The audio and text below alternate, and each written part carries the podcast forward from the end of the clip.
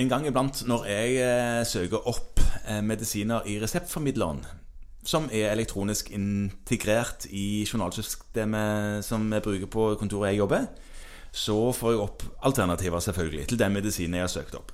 Ja. Og det som noen ganger frustrerer meg, det er at hvis de velger en av de alternativene, så står det plutselig at ja, skal du skrive ut dette, så krever det søknad SLV. Ja. Og velger jeg en annen, kliss lik, samme navn, samme styrke, samme antall medisiner Mm. oppi den boksen, så er det greit. Da står det til med forslag til dosering som eh, hurtigvalg, som Mm. vi kan velge. Og Det hvor- er, nå skal jeg komme med en kast ut en brannfakkel her. ja, tror altså, er ikke er jeg to- som kastet ut brannfakkelen nettopp nå? Ja, Har du nå skal jeg- enda en? Ja, kaste ut en til. Og det der tror ikke du er helt sannferdig. Nei vel, Nei, hva for- tenker du på? Nei, for jeg tror ikke det står helt det samme.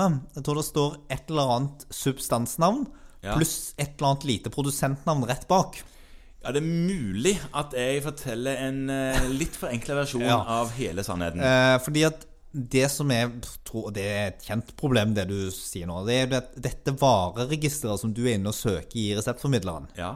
det inneholder jo alle potensielt ekspederbare stoffer ut ifra apoteket. Altså alle varenumrene. Og alle produsentene må ha sitt eget varenummer der inne. ja.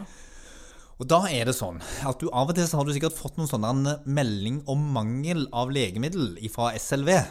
Stadig oftere, syns jeg. Ja. eh, Det er noen produsenter her som sliter litt med leveringen.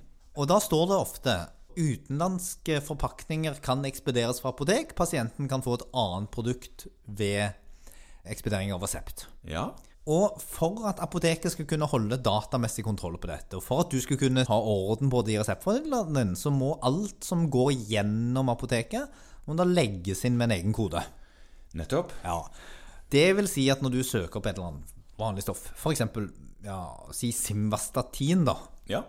så har du jo enormt mange produktlinjer nedover. Ja, det kan stemme. Ja. Og nå husker ikke jeg i farten om det er noen av Simvastatinene som er uregistrerte, men det kan godt være, fordi Det- Mhm. at enhver produsent må be om at produktet registreres i Norge. Ja. Det holder ikke at de har simvastatin, liksom. Nei, det De- må de- de- de må si at- godkjennes. Fordi at det at på en måte at Mortens Medisiner og co. Ja. på hjørnet Lage simvastatin. lager Simvastatin, Ja. det Jeg ville holder ikke. Jeg ville ikke kjøpt det. Nei. For det kan være hva som helst. Ja. Nærmest, ja.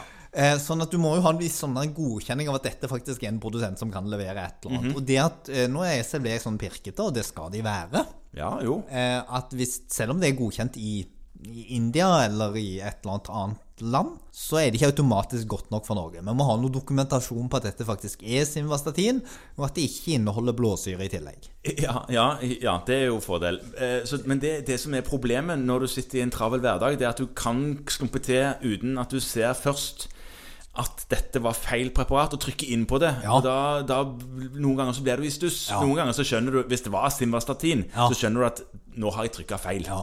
Andre ganger så er det jo sånn at det er et litt mer sjeldent medikament Ja. som du er litt utrygg på. Ja. Så tenker du oi, må dette ha en søknad? Ja. Og så setter du i gang og søker, da. Ja, og det, det bør, da må du tenke deg om. For det der er ofte en liten sånn giveaway, og det er at som ofte så står det en eller annen merknad når du klikker på det, eller mens før du klikker på det, at dette må omsøkes. Ja.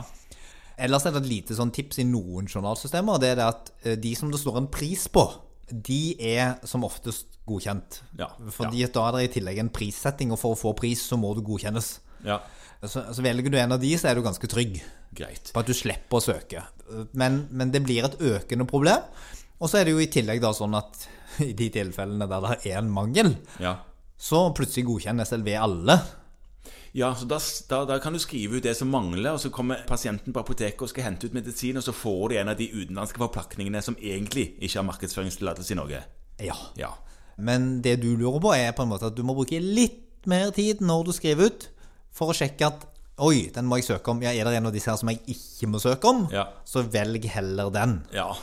Da er ofte òg denne her DSSN-feltet ferdig utfylt og litt sånn forskjellige ting, så det, det blir litt lettere. ja. Men da vet jeg iallfall hva som var grunnen. Ja. Ja.